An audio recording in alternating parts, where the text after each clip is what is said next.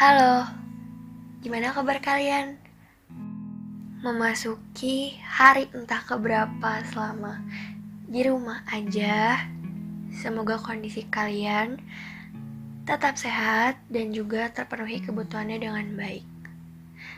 Jangan abai sama kesehatan, terutama kesehatan mental kalian. Bicara soal abai, ini ada beberapa hal yang bisa kita sharing bareng-bareng and of course semua ini berhubungan dengan hari-hari kita selama quarantine. Mungkin dengan adanya quarantine ini kita benar-benar berjarak satu sama lain. Kalau kangen sebatas video call atau telepon juga mau gak mau dicukup-cukupin aja buat ngobatin kangen sama orang yang kita sayang. Tapi apa dengan telepon maupun video call, kalian tetap terhubung baik dengan orang-orang yang kalian sayangin? Dengan berjarak kayak gini, kita juga diuji dalam hal komitmen. Yang gak biasa LDRan, atau mungkin gak pernah LDRan sama sekali. Mau gak mau, sekarang kan terpaksa gak ketemu selama berbulan-bulan. Mungkin dengan adanya hal ini juga, ada hal-hal yang semestinya nggak terjadi. Hal-hal yang gak seharusnya dijadikan alasan perpisahan, tapi pada akhirnya membuat hubungannya renggang atau bahkan selesai di tengah jalan. Masa-masa kuarantin juga pasti menjadi pressure bagi kebanyakan orang. Wajar banget kita ngerasa jenuh karena hidup kita yang gitu-gitu aja. Tiba-tiba kita ngerasa khawatir yang bikin gak bisa tidur, kangen sama suasana yang biasa kita jalani dan overthinking itu semakin terjadi. Sedihnya tuh merata ke semua orang. Jadi mungkin kalau kalian cerita ke temen, bisa jadi perasaan yang kalian punya tuh ya sama. Karena siklusnya pun juga mungkin sama. Tapi setiap orang punya rezekinya masing-masing untuk selalu bahagia dalam satu harinya entah dengan cara apa Tuhan memberikannya. Jadi jangan ngerasa kalau hidup orang tuh jauh lebih menyenangkan dan jadinya kita nggak bersyukur. Sama halnya dengan apa yang masih kita miliki sampai saat ini. Hal-hal yang masih bertahan di hidup kita, jangan sampai disia-siain gitu aja. Mungkin karena emang banyak sekali pressure-nya, kita terkadang membutuhkan waktu sendiri, tapi jangan juga abai sama perhatian yang orang-orang berikan. Terlebih lagi, kalau hal ini sampai memengaruhi relationship yang kalian punya. Jadi, kayak apa yang tadi gue bilang, saat ini tuh banyak ujiannya, menyebar ke mana-mana. Tinggal gimana caranya kita baik-baik bertahan. Jangan sampai relationship yang kalian punya juga jadi toxic dan juga jangan ragu mengakhiri kalau hubungan kalian udah sampai toxic. Di masa kayak gini, kita perlu banget yang namanya support. Terus, apa gunanya kalau relationship yang kalian punya, tapi persoalan mensupport satu sama lain aja udah gak berjalan seperti sedia kala. Kita semua sama-sama jenuh ada di rumah terus-terusan jadi jarang bisa ketemu. Semua bener-bener by phone.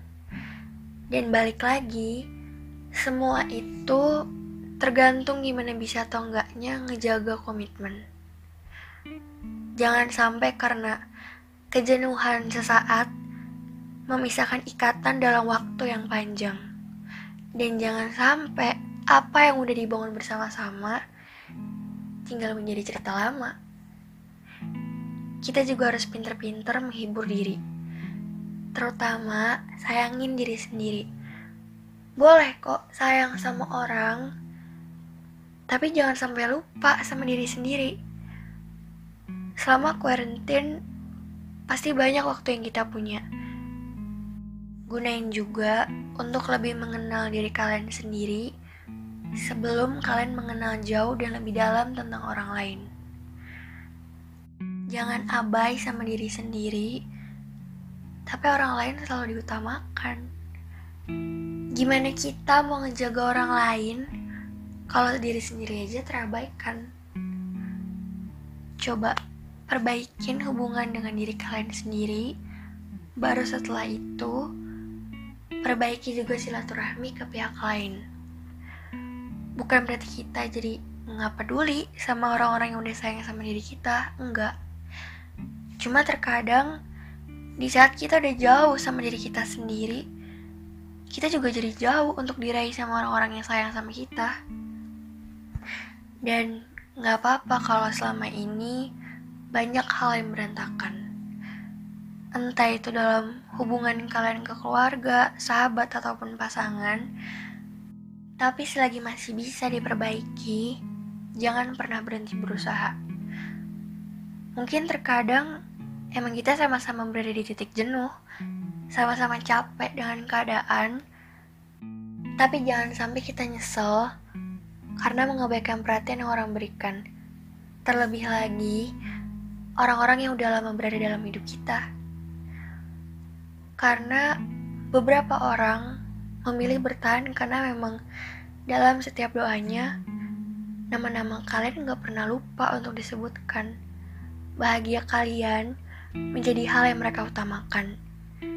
Setidaknya dalam satu hari, berhasil membuat kalian tersenyum. Menghibur di saat kalian membutuhkan sandaran untuk berkeluh kesah. Jangan sampai hal-hal kayak gitu menjadi hal yang terabaikan. Kita nggak tahu kapan pandemi ini berakhir. Yang jelas, kita di sini harus tetap saling menguatkan, mengeratkan ikatan, bukan membuatnya lepas akan ada waktunya bahagia dan kita sama-sama dipertemukan kembali. Dan sembari menanti hal itu terjadi, doa menjadi penawar rindu dan berharap Tuhan selalu menjaga orang-orang yang kita sayangin. Selagi masih bisa berucap dan berharap, Tuhan pasti selalu mendengar. Dan selagi bisa untuk saling merangkul, sebelum terpaksa mengucap selamat tinggal waktu yang kita miliki saat ini, esok, dan seterusnya sangat berharga. Perbanyak juga sabar. Kita semua berada dalam satu lingkaran yang sama. Jadi jangan menyerah juga ya. Semoga kalian selalu diberi kesempatan untuk menyampaikan sayang kepada orang-orang yang berarti dalam hidup kalian. Dan kelak dipertemukan setelah semua penantian ini berakhir dan bisa saling memberikan hangatnya pelukan.